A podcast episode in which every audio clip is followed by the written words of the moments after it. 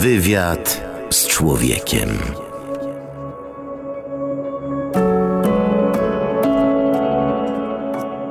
Paweł Kęska, witam Państwa serdecznie w audycji Wywiad z człowiekiem.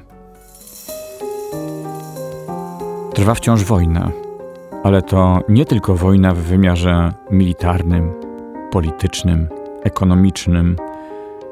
To, drodzy Państwo, wojna w wymiarze ludzkim. Wojna dobra ze złem, czy raczej zła z dobrem. I my wszyscy możemy wziąć w tej wojnie udział. Ba, bardzo wielu z nas udział w tej wojnie bierze. A jak? Ano miłością, czasem, energią życiową, wrażliwością. I dziś zapraszam Państwa do spojrzenia na tą wojnę od strony polskiej. Najpierw porozmawiam z wolontariuszami, którzy od tak, jak wszyscy od tak, przecież to robią, e, z samochodami, z transportami pomocy pojechali na wschód, na granicę, żeby przekazać dary do Lwowa i dalej.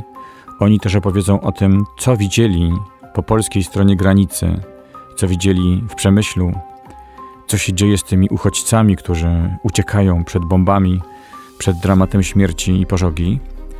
Potem przedstawię Państwu taką relację z wyprawy na dworzec zachodni w Warszawie. Na dworcach w Warszawie i nie tylko przecież, bo i w Krakowie i w innych miastach, może w Warszawie szczególnie, ta pomoc świadczona jest bardzo intensywnie przez wolontariuszy. Każdy przyszedł tam z jakiegoś powodu. Będzie to wiele ciekawych rozmów i wiele wzruszających spotkań, to Państwu gwarantuję. A na koniec trafimy do jednego z warszawskich domów, który po prostu przyjął już nie jedną rodzinę ze wschodu i pogadamy przy herbacie o tym, co to dla tego domu znaczy. Wszyscy dzisiejsi rozmówcy będą się przedstawiali wyłącznie z imienia. Dlaczego? No dlatego, proszę Państwa, że to jest symbol każdego z nas, bo każdy z nas przecież może coś zrobić.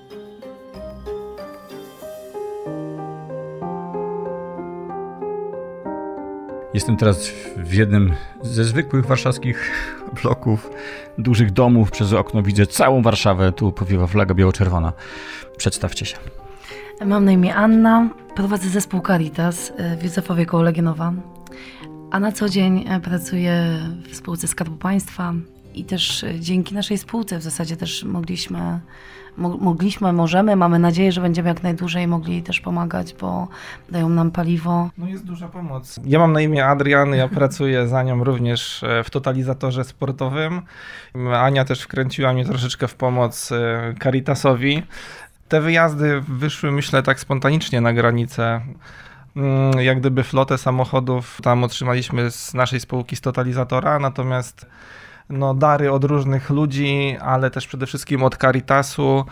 Stwierdziliśmy, że spróbujemy razem pociągnąć taką akcję przerzucenia towarów najbardziej potrzebnych e, poza granicę ukraińską, żeby trafiły do potrzebujących ludzi.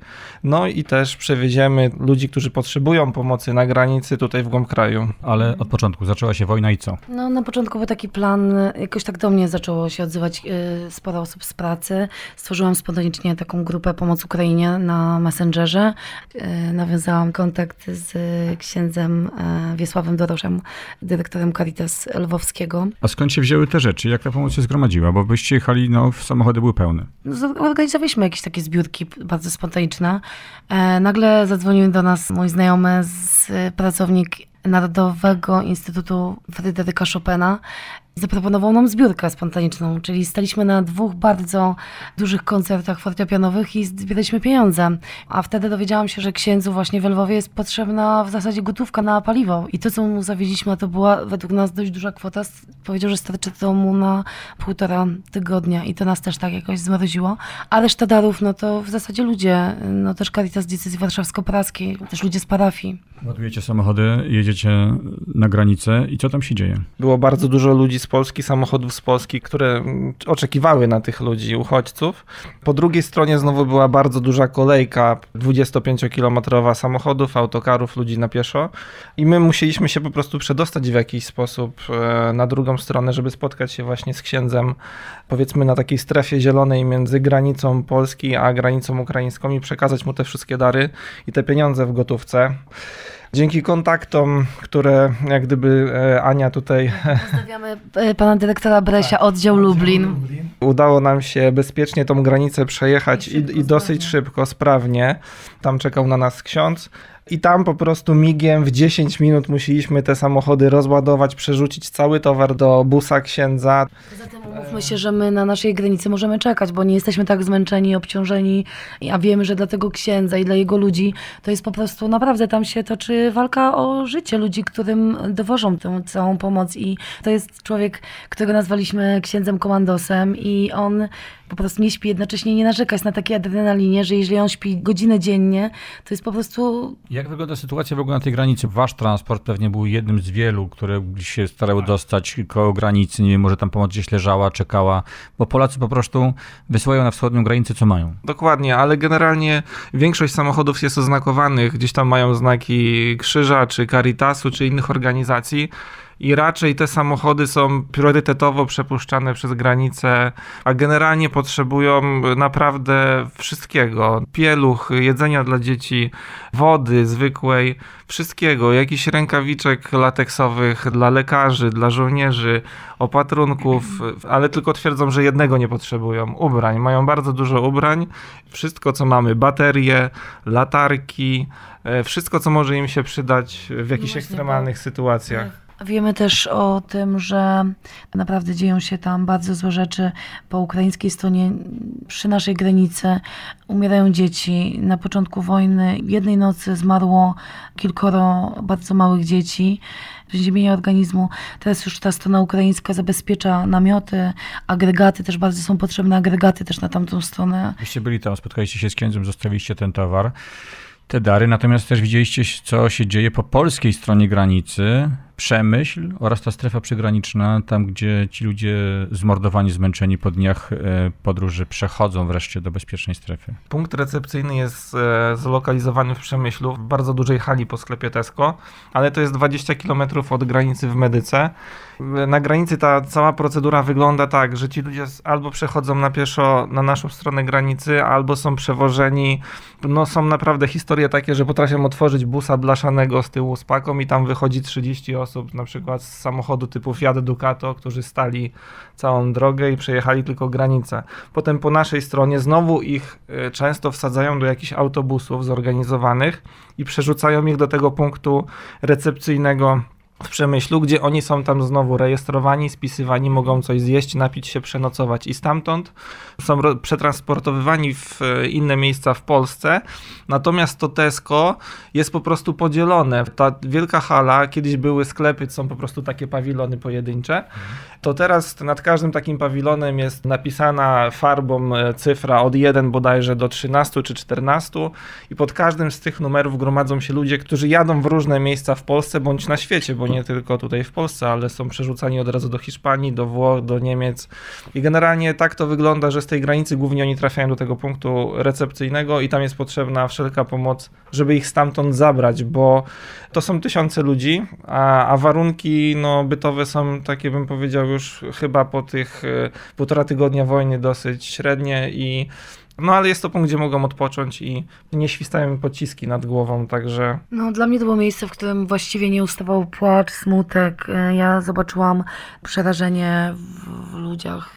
A jednocześnie przechodziliśmy tymi hektarami tej hali i cały czas ci ludzie byli. I oczywiście ci ludzie, organizatorzy budują tam atmosferę. Ktoś kręci watę cukrową, rozdaje dzieciom, e, ktoś e, ma jakieś stanowisko z ładowaniem telefonów komórkowych, tu jakiś plac dla dzieci, ale to wszystko jest tak przerażająco smutne. Pękły nam serca chyba na myśl o tym, że tu jest tak ciężko humanitarnie, a jednocześnie oni żyją, a co z innymi tysiącami, milionami, którzy są po tamtej stronie i którzy marzą o tym, żeby być w takim przemyślu. Bo jest jeszcze jedno takie miejsce, które ma oznaczenie właśnie taki pawilon. Jest on ogromny i nad nim jest e, liczba 13. I jest to pawilon, gdzie śpią ludzie, którzy w ogóle nie mają celu podróży i nie wiedzą, co dalej ze sobą zrobić. I jest to największy pawilon w ogóle w całym tym Tesco. Jest ogromny. Można to porównać do jakiegoś marketu jak Auchan czy coś takiego. I oni nie wiedzą, co ze sobą zrobić. Oni tam już koczują po mm, ileś dni. I tu Tutaj ktoś kręci watę cukrową, tak. A tu tutaj- mamy plac zabaw dla dzieci za barierkami właśnie. Każdy z tych sklepów jest ponumerowane i każdy numer odpowiada za, za kierunek transferu tych osób. Ale zaraz też tutaj zobaczymy najgorszą. Też ta hala numer 13. Tak, tam już teraz przyjeżdża taka naprawdę największa, największa bieda. Te osoby są tam zadbane, raczej nie są, tam raczej nie są ludzie głodni.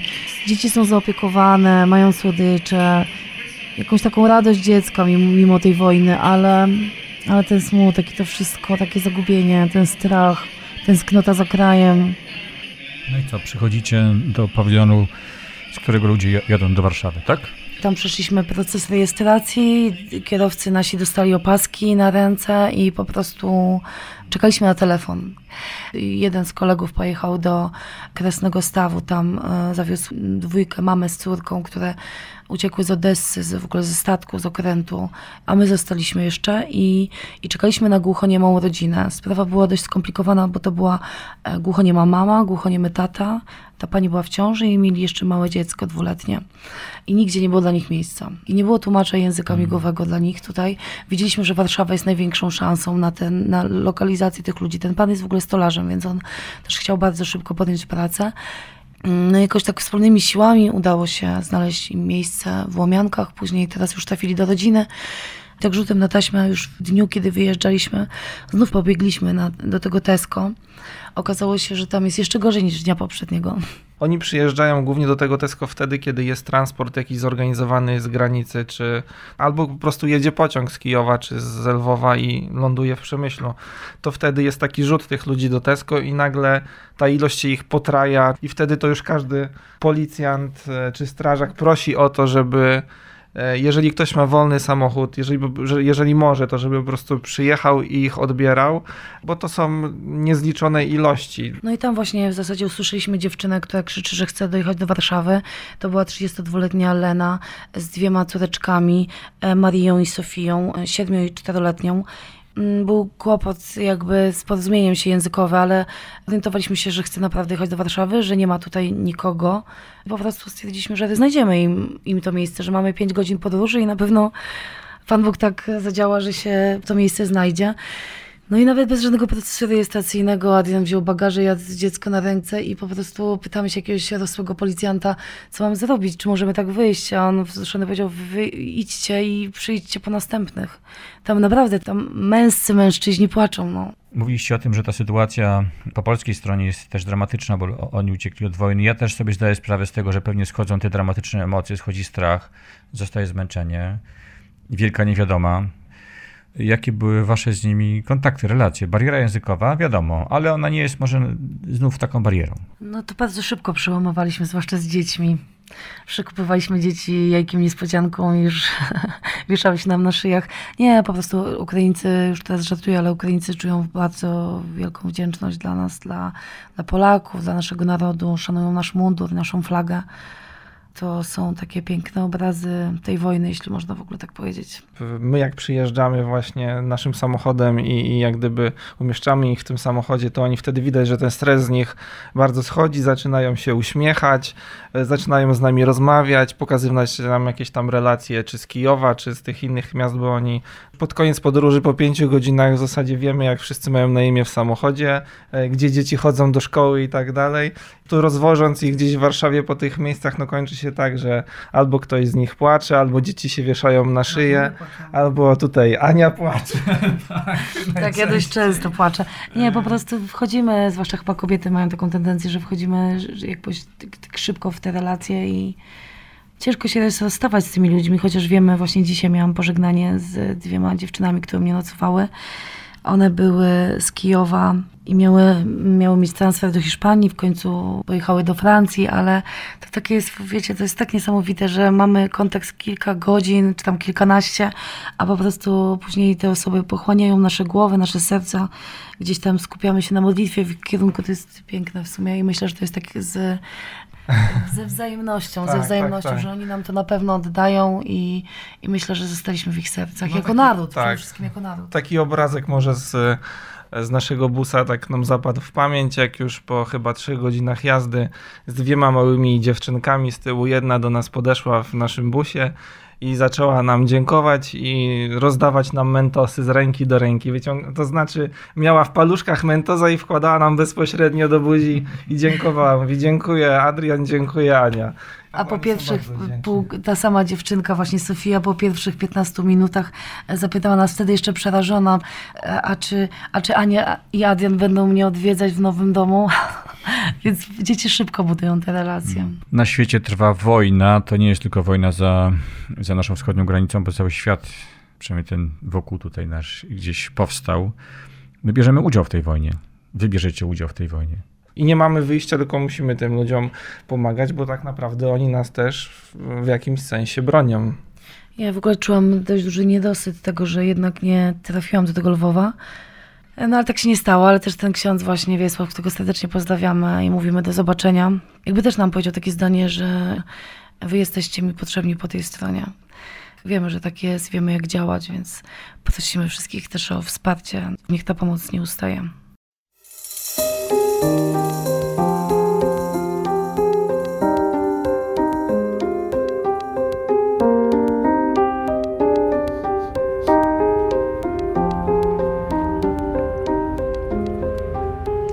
Dworzec Zachodni.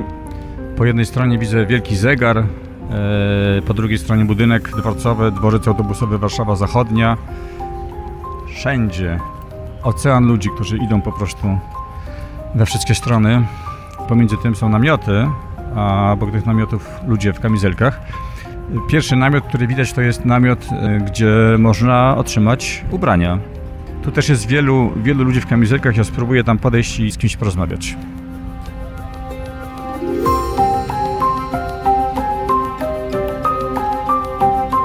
Chciałem zapytać, jak wygląda organizacja i ta pomoc? Państwo są w, napisane wolontariusz Urząd Dzielnicy Wola. To jest po prostu kamizelka tylko. Tak jest, czyli pani się zgłosiła po prostu. Przyszłam tutaj dzisiaj rano. Dostajemy pieluchy w tej chwili. Poprosiliśmy o jedzenie dla zwierząt. Zbieramy kontenery. Kontenery dla zwierząt są po prostu dramatycznie potrzebne. Środki higieniczne dla kobiet. Soczki dla dzieci. I to tutaj po prostu wydajemy na bieżąco. Przynoszą nam ludzie zupełnie spontanicznie. No właśnie, skąd to się wszystko bierze? Tu widzę mnóstwo kanapek przyrządzonych przez konkretnych ludzi. Że ma d- dwa samochody mm, soczków, wody i co może z tym zrobić, tego zgarnęłam tutaj natychmiast, tak, do nas. To jest po prostu spontaniczna akcja ludzi. Dużo ludzi przychodzi po pomoc? Po pomoc bardzo dużo. Widać takie są momenty, jak przyjeżdżają pociągi i po prostu tutaj się robi czarno-gęsto. Cały czas nam się twarze zmieniają, A dlaczego pani przyszła? Bo mam taką potrzebę. Nie siedzę w domu i nie płaczę, tylko działam, po prostu tutaj coś robię, tak? W kanał właściwy wpuszczam te emocje, które mam. Mam na imię Asia, a jestem księgową. Tak naprawdę wydaje mi się, że w takiej sytuacji pokazuje się nasz prawdziwy charakter. My jesteśmy po prostu y, narodem rewelacyjnie nadającym się do zrywów. I jestem, jestem absolutnie dumna z Polaków. Jestem zachwycona, że jestem Polką w tej chwili. Naprawdę jestem z tego dumna. Tam dalej jest odzież i te dary, które są przynoszone, od razu są dzielone na te, które mają pójść dla wojska, które mają pójść na front, bo też przynoszą ludzie jedzenie takie instant, na przykład to od razu jest pakowane, jest na front wywożone. Tak, od razu powerbanki dostaliśmy tutaj dzisiaj na przykład. Y, Wszystkie możliwe języki tutaj świata się y, pojawiają. Dziewczyny są po prostu wielojęzyczne. Stewardessa tutaj proszę bardzo i wyjechała z hiszpańskim i z angielskim. są w stanie obsłużyć absolutnie każdego, kto tutaj przyjdzie i będzie chciał udzielić pomocy. E, mam na imię Magda, jestem stewardessą. W zasadzie to z marszu. Chciałam pomóc, nie wiedziałam gdzie iść. Przyjechałam na dworzec, miałam najbliżej i okazało się, że wszystkie ręce do pomocy są potrzebne. E, powiem szczerze, no przeżywam, ale no nie daję po sobie poznać. Były momenty, że cisnęły się łzy e, po prostu, ale zaciskam zęby i staram się pomóc. Nie myślę, po prostu pomagam i e, na tym się skupiam.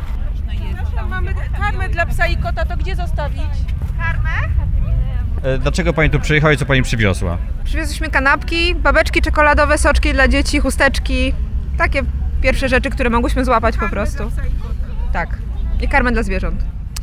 Bo słyszałyśmy, że tu jest największe zapotrzebowanie na pomoc. E, Ja pracuję blisko dworca centralnego i na dworcu centralnym wiem, że było bardzo ciężko w ostatnich dniach, zanim włączyła się straż pożarna do pomocy.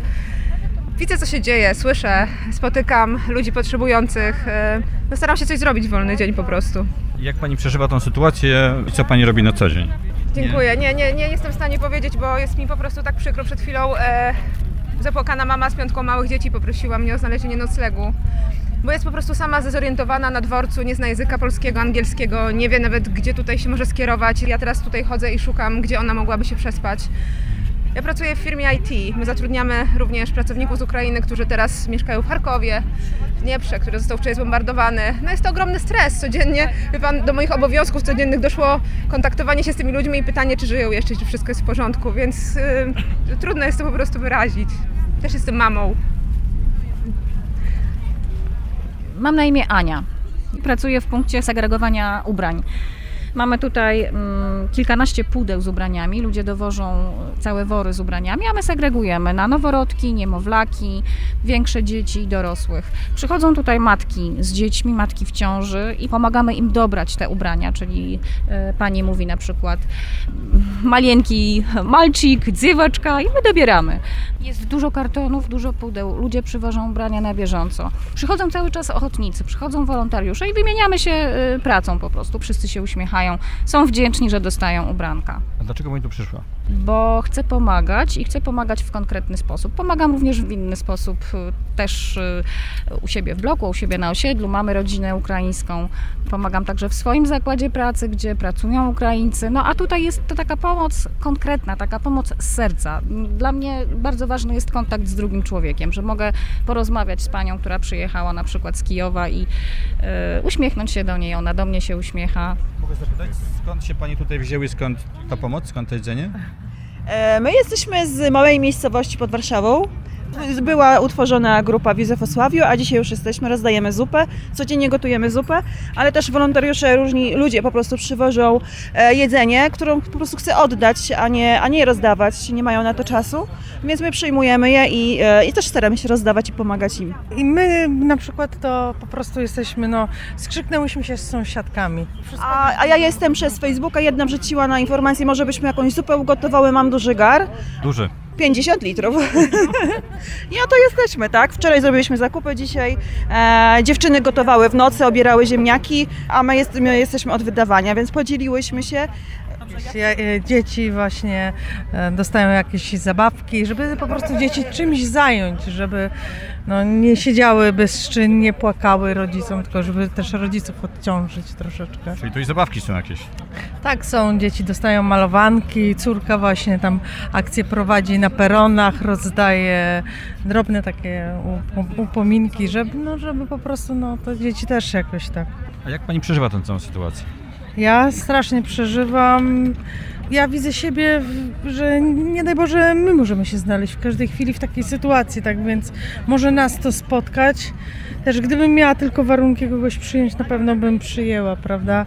Ale serce po prostu pęka.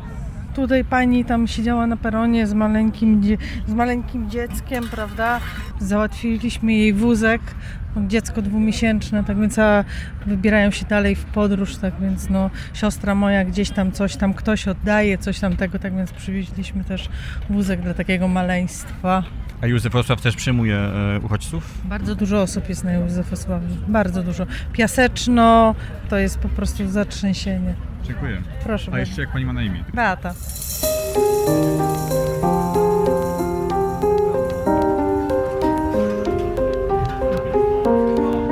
Jestem w takiej hali, w takim namiocie e, plastikowym, białym, dość dużym, który jest takim punktem przeładunkowym. Tu widać w jednym kącie bardzo dużo kartonów stojących piętrami. W tych kartonach e, artykuły chemiczne, pomocowe, higieniczne, e, wszelkiego rodzaju i puszki, a tutaj obok długi rząd stołów, na których można, na których są kanapki, zupa, kawa, herbata, batony, takie pakiety pomocowe. I mnóstwo ludzi, którzy przy, przychodzą i odchodzą, przychodzą, odchodzą, przychodzą, odchodzą. Wśród nich są tacy, którzy przynoszą całe kartony z kanapkami, którzy przynoszą całe kotły z zupą, a, a po drugiej stronie widzę, e, ej, o, widzę flaga Ukrainy, flaga Polski i na ścianie taki karton z napisem Front Pomocy Ukrainie. No to idę, może czegoś się więcej dowiem o tym, co tu się dzieje. Pan tutaj wziął? Każdy tutaj y, przyszedł dosłownie godzinę, dwie godziny, trzy godziny temu, y, przyszedł na chwilę i został i pomaga po prostu, więc nie powiem panu więcej. Też przyjechałem tylko przywieźć zupę, a rozlewam ją, więc Skąd ta zupa? to jest akurat z kafe kulturalna spod Pałacu Kultury. Codziennie po prostu robimy 120 litrów zupy tutaj, potem w drugim rzucie robimy drugie tyle tutaj albo na centralnym. I pan tam pracuje. Nie, nie pracuję, ale jestem wolontariuszem i dowożę. Mam tam znajomych, więc po prostu też pomagam. Ale e, wielkie podziękowania dla Kafe Kulturalna, po prostu to jest wielka ilość zupy, którą codziennie tutaj dostarczamy. Dobry. A dzień dobry panu. My się znamy. Kiedyś był reportaż y, o bezdomnych od kapucynów. Cześć Marcin. Cześć. E, Słońce mam tylko to. Bo mnie interesuje to rozdzielanie tego towaru na ten, który jedzie na wschód, y, od tego, który zostaje tutaj. Na czym to polega? Więc tak, y, na front y, pakujemy leki, pakujemy medykamenty wszelkiego rodzaju, bandaże. Ze spożywki pakujemy pasztety, konserwy, makarony, sosy gotowe. No staramy się pomóc y, jak możemy, tak? W tej chwili tutaj jest około 40 kartonów samych medykamentów, ponieważ mieliśmy hasło, że brakuje bandaży, brakuje kroplówek. Mamy, ktoś nam dzisiaj przywiózł prywatny ze szpitala kroplówki, cewniki, wszystko zapakowane hermetycznie. Jest to pod nadzorem medycznym, y, przychodzi do nas y, ratownicy medyczni, lekarze, którzy po prostu nam pomagają. Na prąd jest wysyłana żywność wszelkiego rodzaju, naprawdę. Czekolady słodkie, rozdzielamy między dzieci tutaj i na front. Część idzie dla dzieci, część ten. No, pomagamy jak możemy. Skąd się to wziąłeś? Jak się nazywasz? E, Mam na imię Marcin. Po prostu przyszedłem na dworzec, przejeżdżałem autobusem. Zobaczyłem, co tu się dzieje, już stąd nie odszedłem. Który dzień? To już jest mój drugi tydzień. Pracujemy różnie. No, ja pracuję akurat od 5, staram się tak do 21, bo wtedy jest naj, najwięcej pracy potrzeba. Zdarzało się na początku, że zostaliśmy nawet na 2-3 doby. Co tu się dzieje w nocy? Czasami przyjeżdżają autokary. Rzadko teraz, rzadziej, ale na początku było tak, że ludzie przynosili nam na przykład gorące naleśniki, bo przyjeżdżały autokary z samymi dziećmi, bez matek. Te dzieci po prostu patrzyły się na nas tak wymownym wzrokiem, ze łzami w oczach po prostu patrzyły, czy one mogą wziąć. Były tak wystraszone. Nam gardło zaciska do tej pory, jak my o tym mówimy, jak o tym myślimy. Do tej pory jest tak, że dzieciaki z rodzicami przyjeżdżają, nie mają gdzie się podziać. Nie ukrywam i powiem to tak od serca, że jest mało miejsca dla dzieci z matkami. Naprawdę. Śpią dzieciaki e, na gołej podłodze, na torbach. e, My zbieramy koce e, w ciągu dnia, dajemy im w nocy, żeby miały chociaż odrobinę ciepła. I wielkie podziękowania dla wszystkich osób prywatnych, które po prostu to robią. Bez ludzi dobrej woli by to nie istniało. Jak tak mówisz teraz, to ja rozumiem, że ty bierzesz udział w tej wojnie. Tak, uważam, że ludzie z Ukrainy są moimi braćmi i trzeba im pomagać. Nie wyobrażam sobie inaczej. Przepraszam. Chłopaki, worki weźcie. A może chcesz kobietę, naszą koordynatorkę? Chcę koordynatorów, bo tu się wszystko dzieje, a nikt nie wie co. Koordynatorka to jest... Kasia! Chodź dziecko! Pilnie jesteś potrzebna! Przepraszam, że goły zawracam, robię reportaż do Radia Warszawa. O tym, co tu się dzieje, bo się dzieje tak strasznie wiele dobrego, ale nikt do końca nie wie, na czym to polega. Oj, nie mam A medialnego ktoś powiedział głosu. koordynatorka, Kasia chodź, no to... Jestem koordynatorką y, organizacji Front Pomocy Ukrainie. Pomagamy tutaj osobom przyjeżdżającym z Ukrainy, począwszy od zapewnienia im wyżywienia, zapewniamy im też środki pierwszej potrzeby, środki higieniczne, odżywki dla dzieci, karmy również dla zwierzątek, z którymi przyjeżdżają. Zapewniamy im ciepłe posiłki, picie. Pomagamy im również w organizacji e, transportu, udzielamy informacji, więc y, działamy tutaj bardzo, bardzo, bardzo na szeroką skalę. Oprócz tego, co się tutaj dzieje na dworcu zachodnim, czyli całkowitej opieki tutaj nad tymi uchodźcami, którzy przyjeżdżają tutaj różnymi środkami transportu, zarówno pociągami, autokarami. Na terenie dworca zachodniego mamy trzy punkty. Działamy tutaj w tym dużym namiocie, to jest namiot jakby związany właśnie z wyżywieniem.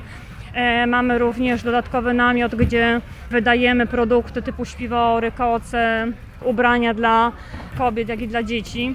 Organizujemy również transporty do różnych miejsc, do których te osoby chcą się e, przedostać. Pomagamy przenosić walizki i oprócz tego, co się tutaj dzieje na dworcu zachodnim, organizujemy również transporty najpotrzebniejszych rzeczy i wysyłamy je na Ukrainę, zarówno dla wojska, jak i dla osób cywilnych. To brzmi w ogóle niewiarygodnie. To jest taki gigantyczny punkt wszelkiej pomocy, bardzo dynamiczny, otwarty na ludzi, którzy przychodzą po pomocy, ale i na tych, którzy jej udzielają. To skoordynowanie tego jest po prostu trudne. Jak pani sobie z tym radzi? Jak państwo sobie z tym radzicie, bo to się wszystko dzieje teraz? Jakoś dobrze nam idzie ta organizacja. E, oczywiście pewnych rzeczy nie jesteśmy przewidzieć, chociażby tego, jaka będzie rotacja pasażerów w ciągu danego dnia, w ciągu nocy. Zmienia się to bardzo. W związku z tym no, działamy 24 godziny na dobę. I dajecie radę. I dajemy radę, oczywiście, że dajemy radę. Mamy wspaniałych wolontariuszy. Działamy tutaj od samego Ale początku. tutaj są już setki tych wolontariuszy. Jest bardzo dużo wolontariuszy. Mamy też takich stałych wolontariuszy, którzy cały czas są z nami, chcą nam pomagać. Ale oprócz wolontariuszy, których tutaj mamy na miejscu, bardzo duże podziękowania kierujemy dla naszych wszystkich darczyńców, bo naprawdę odzew jest ogromny po prostu. Przychodzą osoby, które bardzo chcą pomagać. My już oczywiście mamy przygotowaną listę tych wszystkich najpotrzebniejszych rzeczy, które schodzą nam błyskawicznie po prostu. W związku z tym, gdyby nie ci wspaniali darczyńcy i oczywiście wielka praca naszych wolontariuszy, to nie mielibyśmy jakby jak udzielać tej pomocy. Także tutaj podziękowania ogromne dla wszystkich. Ile odprawiliście takich e, tirów i ile pojechało transportów z czym? Oj, do tej pory odprawiliśmy już kilkanaście takich tirów. One jadą z bardzo dużą częstotliwością. W tej chwili ich będzie jeszcze więcej. Mamy również organizacje, które zgłaszają się do nas z innych krajów. To są środki pierwszej potrzeby. Odzież termiczna, koce, śpiwory, y, lekarstwa, bandaże, buty zimowe dla wojska, żywność, woda. To wszystko, co ma szansę przetrwać, a tym osobom jest bardzo, bardzo potrzebne. Skąd się biorą mieszkania? To skoordynować to, to jest pewnie potężna sprawa. No to faktycznie jest bardzo trudny kawałek chleba, zwłaszcza, że musimy pamiętać, że osoby tutaj przyjeżdżające są bardzo skrzywdzone i przyjeżdżają do nas jako do obcego kraju, potraciły tam rodziny, musiały się rozstać z najbliższymi. No mają jakby bardzo, bardzo, bardzo e, takie osłabione poczucie tego bezpieczeństwa, w związku z tym naprawdę trzeba bardzo ostrożnie do tych osób podchodzić. E, Mamy mm, miejsca takie zbiorowe, gdzie możemy kierować duże grupy. E, Mamy też bardzo dużo osób prywatnych, które się zgłaszają i te osoby chcą przyjąć. Trwa wojna, to jest wojna oczywiście związana z dramatyczną przemocą, ale to jest też wojna dobra ze złem i ci wszyscy ludzie, którzy tu są, też te tysiące wolontariuszy, po prostu walczą miłością. Tak, dokładnie. Wolontariusze są w, no, w dodatkowo jeszcze trudnej tutaj, w trudniejszej sytuacji. Mówię tutaj o tych wolontariuszach ukraińskich. Już na koniec, skąd się pani tutaj wzięła? E, Ja się wzięłam, można powiedzieć, z ulicy. Przyjechałam tutaj na dworzec zachodni. Wcześniej się oczywiście zapisałam przez stronę. Zobaczyłam, jaki tutaj panuje w zasadzie nastrój, jak to wygląda. Dzieci śpiące na, e, na podłodze, płaczące, przerażone. Postanowiłam przyłączyć się tutaj do tej grupy wolontariuszy i pomagać im. Czym formalnie jest Front Pomocy Ukrainie? Front Pomocy Ukrainie jest stowarzyszeniem. To jest nowa sprawa, to jest sprawa, która powstała jakby z serca, aby pomagać osobom, które tego potrzebują. A jeszcze co pani robi na co dzień? Na co dzień pracuję, na co dzień mam rodzinę, w związku z tym mam też swoje obowiązki. Spędzamy tutaj naprawdę po kilka, kilkanaście godzin, e, czasami całą dobę. E, Niemniej jednak ta chęć po prostu pomocy wynikająca z serca Jest wielka. jest wielka.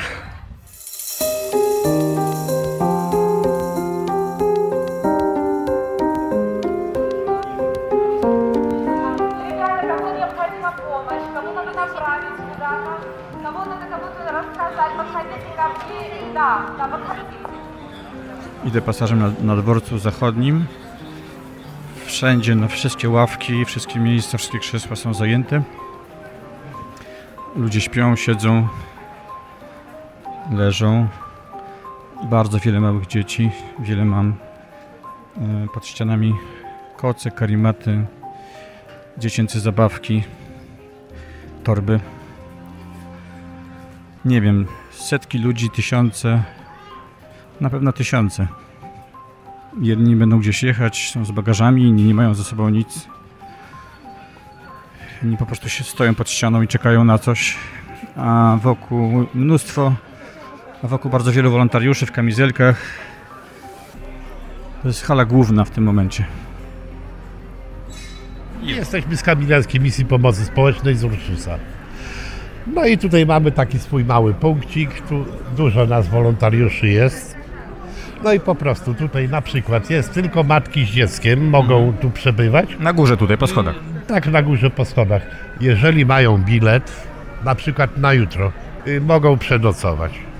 I my się tylko tym zajmujemy. Kierujemy na przykład, gdzie bilety mogą kupić, gdzie są punkty, w których mogą za darmo zupę zjeść. No i co nasze zadanie skoordynować tutaj, żeby tłok się nie robił i tak dalej. Ile możemy, tyle wytrzymujemy. Jesteśmy, wiadomo. To już dłuższy czas. No dłuższy czas. Y, W nocy też tu jesteśmy na przykład po prostu na okrągło, wymieniamy się. A który raz pan tu już jest? Który dzień? Trzeci. Na przykład w poniedziałek do pracy idę. Nie będzie mnie. Ale po pracy, bo ja mam system tak 24-godzinny i 72 godziny wolnego.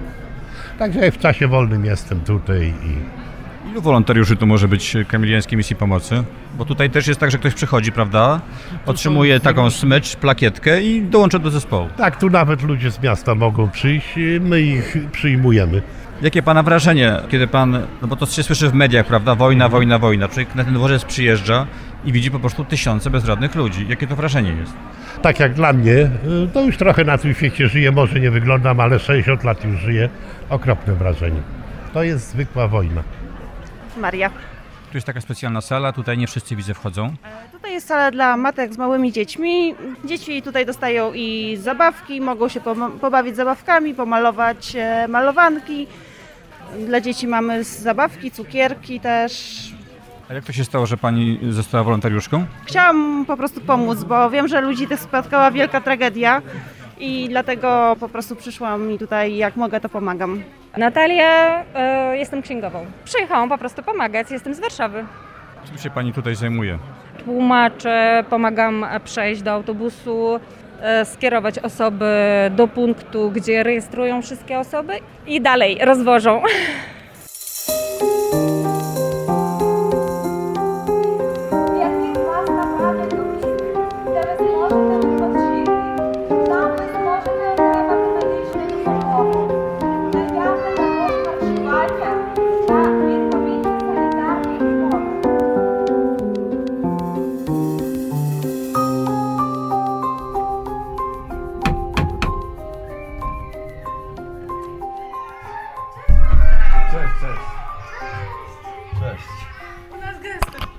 właśnie dlatego przyjechałem, żeby zagęścić jeszcze. No bardzo dobrze.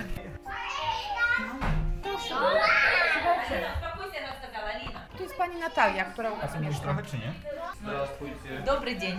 Вы говорите по-украински или Чуть-чуть. по-русски? И русский, и украинский. Я тоже чуть-чуть русский украинский. Так, так. Скажите, когда вы уехали э, из Украины? Приехали м, 26-го, выехали на Днепропетровскую трассу. Три с половиной дня до границы. Э, Сильно много людей, большой поток машин. Дети трое суток в машине. Спали, ели. М, Тяжело добирались, тяжело. 28 числа мы пересекли границу Польши. Польская гуманитарная помощь нам и сказали, что вас заберет семья польская, у которой четверо детей. Э, Несмотря на то, что семья большая, они нас взяли к себе. Как бы, ну, я переживала, думаю, ну, как бы их э, шесть, и бабтя у них живет с ними, и нас четыре, нас 11 человек. Ну, как бы много. Natalia, pani powiedziała, że będzie 15 po 7. Так, нормально, нормально. Я сейчас I ona chciała kilogram kapusty, kilogram ziemniaków. Так, хорошо, хорошо, все будет. Да. Все хорошо, а to no cudownie jest Lepiej to nie, ale może Мы ко мне с мужем э, и бабтя сделали там вот внизу мы живем, как бы они нам дали первый этаж. э, Они мне там сделали как цех.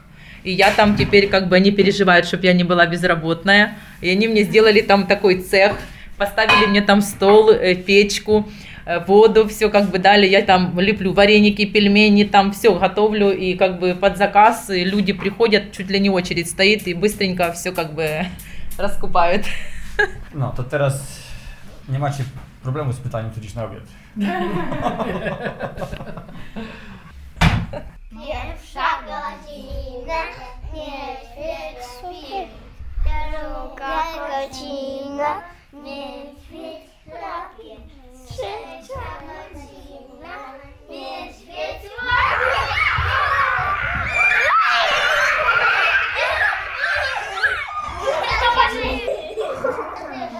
Chłopaki, chłopaki, powiedzcie jak się dziewczynki nazywają, jak mają na imię? Tak. Jak? To jest Alina, a to jest Adela. I co się bawicie razem? E, w gonienie. One nas gonią, a my uciekamy. To normalnie to są ryby. Będą trzy niedźwiedzie. Nie, cztery niedźwiedzie. Monika, jestem psychoterapeutą. Franek, jestem analitykiem danych. Co przeżyliście, kiedy usłyszeliście, że się zaczęła wojna i kolejne dni przynosiły kolejne dramatyczne informacje? No, pierwszy moment to był taki, że ja zaczęłam myśleć o tym, że trzeba robić bardzo dużo i bardzo szybko, żeby coś z tym zrobić, a potem okazało się, że, no, że, że się niewiele da zrobić, znaczy, że jest jakaś taka bezradność. Pomyśleliśmy, że mamy ładny pokój i że tam będziemy przyjmować uchodźców. To był dobry pomysł, ale też bardzo szybko zaczęliśmy wysłuchiwać informacji po różnych kanałach, co się dzieje na Ukrainie. I szybko do nas dotarło, że Ukraińcy dają radę, że to nie jest blitzkrieg, tylko oni są silniejsi niż się wszystkim wydawało. Buduje się we mnie od tamtej pory taka mocna, nie wiem, nadzieja i taka, no wymieszania oczywiście ze smutkiem związanym ze zniszczeniami, ale taka nadzieja i w pewnym sensie nawet radość z tego, że dzielny naród Ukrainy daje odpór inwazji. Jak się dogadaliście, że akurat wasza droga to jest przyjmowanie uchodźców? Bo taka rozmowa w ogóle jakoś Nie to... gadaliśmy o tym. Nie Nie, gadaliśmy. w ogóle nie o tym nie rozmawialiśmy. Jakoś było to oczywiste, że sprzątamy pokój, że, że bierzemy firanki, myjemy okna. Nawet wyciągnęliśmy z naszego łóżka małżeńskiego materac i rzuciliśmy tam na podłogę, sami spaliśmy na karimatach od tamtego czasu. Nie wiem, jakoś to było takie oczywiste, że, że, że, że jest przestrzeń, którą można dać ludziom i po prostu tą przestrzeń dajemy. Pierwszy raz było tak, że Tomek pojechał na granicę. Tomek, brat Franka. I tam zabrał sześć osób e, do naszego dużego auta rodzinnego i przywiózł nam tutaj do tego wy, wysprzątanego pokoju. Te osoby zaraz następnego dnia się rozjechały i pomyśleliśmy, jak to w ogóle. My się przygotowaliśmy, oni pojechali już gdzieś w świat. Z domu ukraińskiego zaraz dostaliśmy informację o sześciu osobach z Odessy, afgańskiego pochodzenia. Pani z taką niepewnością zapytała, czy przyjmiemy Afgańczyków. My oczywiście przyjęliśmy, zresztą miłą kolację z nimi zjedliśmy, ale oni też następnego dnia pojechali. No i potem pomyśleliśmy, że mamy dzieci, mamy przestrzeń i chcielibyśmy kogoś, kto też ma dzieci i też chciałby jakoś na dłużej zostać. I tak trafiła do nas pani Natalia z córkami. Skąd przyjechała pani Natalia i jak to wasze wspólne życie, bo to nie jest tylko jeden wieczór i jedna kolacja, ale to już jest takie budowanie czegoś wspólnego. A dzieciaki się muszą dogadywać. To jest proste, nieproste? Dzieciaki się dogadują bardzo dobrze. Bawią się. Akurat dwie dziewczynki są mniej więcej w wieku naszych dwóch młodszych dziewczynek. Natalia jest osobą bardzo ogarniętą, bardzo dynamiczną. Wzięła się za lepienie pierogów, które kupuje już y, cała Warszawa od nas. Natomiast córka Natalii, y, najstarsza, y, dwudziestoparoletnia, szybko znalazła pracę w sushi barze. I no to są tacy no, współcześni uchodźcy, w tym sensie, że jadą i sobie dają radę w miejscu, gdzie są. Ale też wiadomo, że wiscy zostali w Zaporożu i w wioskach wokół Zaporoża. No i codziennie dzwonią tam do nich, rozmawiają i tam dzieje się prawdziwa wojna. Wiadomo, że jest wojna i że jest dramat. Można wymieniać tego negatywne, dramatyczne konsekwencje, ale na przekór wymieńmy tego pozytywne konsekwencje. Co w tym widzicie, bo wy doświadczacie wprost tych spotkań. Mamy tą jedną rodzinę, która jest mm, z nami, blisko nas i tak sobie czasem myślę, a może to za mało, może powinniśmy jeszcze coś robić, jeszcze więcej, jeszcze więcej tych istnień e, jakoś wspierać, ratować i tak dalej. A potem pomyślałam sobie, że to y, chyba trochę na tym polega, żeby, żeby być blisko tych, których się da być blisko i budować taką zdrową tkankę ukraińskiego narodu, która wróci tam na miejsce po wojnie i będzie budowała zdrowe społeczeństwo, które doświadczyło tutaj wsparcia, miłości, ciepła. Jest w tym pomaganiu Polaków Ukraińcom jakiś taki, moim zdaniem, element Bożego gniewu, takiej wściekłości na zło. I im bardziej jesteśmy wściekli na ruskich, którzy najechali Ukrainie, tym bardziej pomagamy y, Ukraińcom. Nie? I ja myślę, że gdzieś uczestniczę w tym takim gniewie na zło, które się dzieje, poprzez oferowanie jak największej ilości dobra w prosty sposób. Przyjęcie do domu, oddanie kuchni do lepienia pierogów, załatwianie różnych rzeczy i tak po kolei, po kolei wydaje mi się, że całe pokolenie doświadczy tego dobra i już będzie inne za jakiś czas. Nasze pokolenie też, znaczy zarówno nasze pokolenie, jak i dzieci, ale tak samo ci ludzie, co zostali w Ukrainie, dlatego bo oni od swoich bliskich wiedzą, jak ich żony i dzieci zostały przyjęte w Polsce i wydaje mi się, że to jest motywacja nie do pominięcia, jeśli chodzi o ich sytuację. Znaczy, że jest to niezwykłe wsparcie, być może nawet ważniejsze niż wsparcie militarne czy bronią, która tam może pojechać.